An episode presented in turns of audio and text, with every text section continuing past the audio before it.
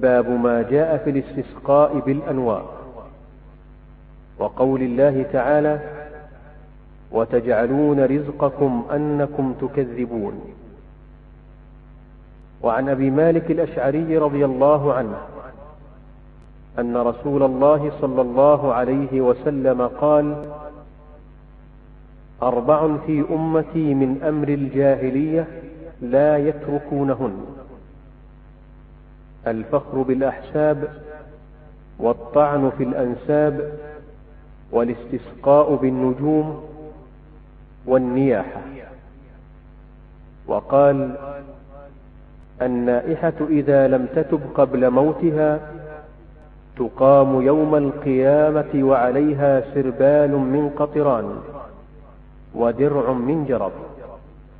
رواه مسلم. باب ما جاء في الاستسقاء بالأنواع. الاستسقاء طلب السقيا طلب المطر يعني طلب الغيث والاستسقاء شرعه الله عز وجل بطلبه سبحانه والضراعة إليه والاستغاثة به أن يغيث العباد عند وجود الجد والقحط.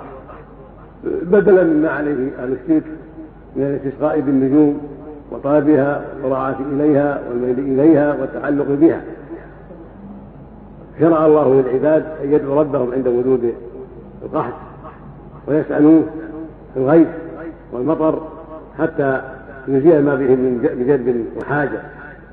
وشرع لذلك الصلاة مستقلة. وشرع للاستسقاء بدون صلاة.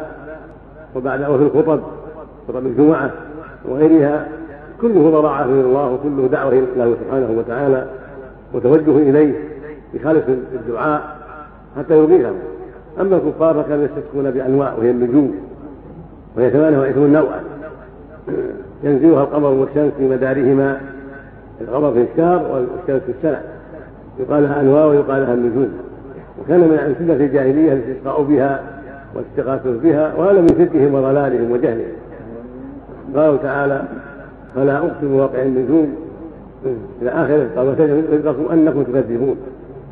أخبر سبحانه أنهم جعلوا حظهم ونصيبهم تكذيبهم بما أخبر الله به وأنه ينزل المطر وأنه مغيث وأنه من بيده التصرف فجعلوا يسألون النجوم ويستغيثون بها ويستسقون بها بزعمهم أنها واسطة وأنها تفعل ذلك بإذن الله.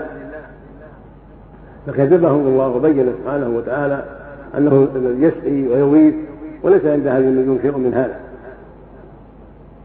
فوجب على أهل الإيمان الأخذ بما بينه الرسول صلى الله عليه وسلم والتمسك به واضطراه ما عليه هذه الجاهلية. ولهذا قال عليه الصلاة والسلام أربع في أمتي حديث أبي مالك الأشعري قال أربع في أمتي من أهل الجاهلية. لا يتركونهن. الفخر بالأحساب والطعن في الأنساب والاستسقاء بالنجوم والنياح. وقال النائحة إذا لم تكن قبل موتها تقام يوم القيامة يعني من قبرها. وعليها سربال من قطران. سربال ثوب. لباس. ودرع من جرب عقوبة لها عند قيامها من القبر غير عقوبة النار نسأل الله العافية. هذا يبين لنا أن هذه الأمور الجاهلية وأن الغالب على الأمة عدم تركها وأن يوجد فيها هذا الشيء. أربع في أمتي من أمر الجاهلية يتركونهن. لا يزال في الناس من يتعاطاها ويتأسى بالكفر. الرخو بالأحساب.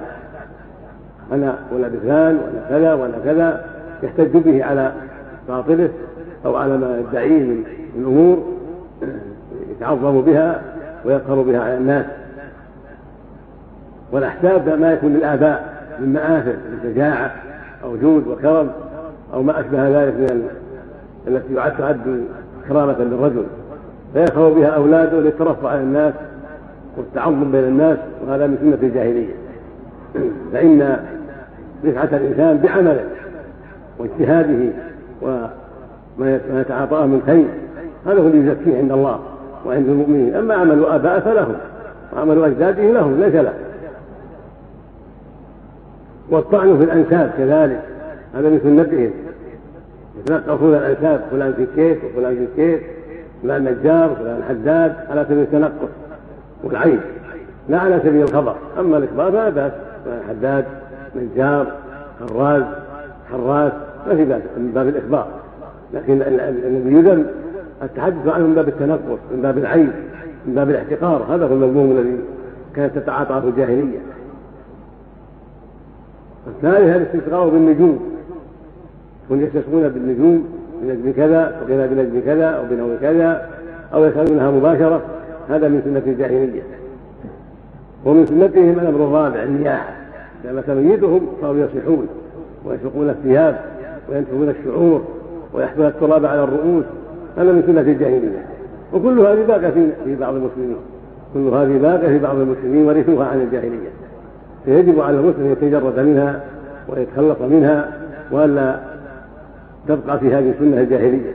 وإن بقيت في بعض الناس لكن ينبغي للمؤمن أن يحاربها وأن يبتعد عنها وأن ينكرها على من فعلها لأنها سنة جاهلية.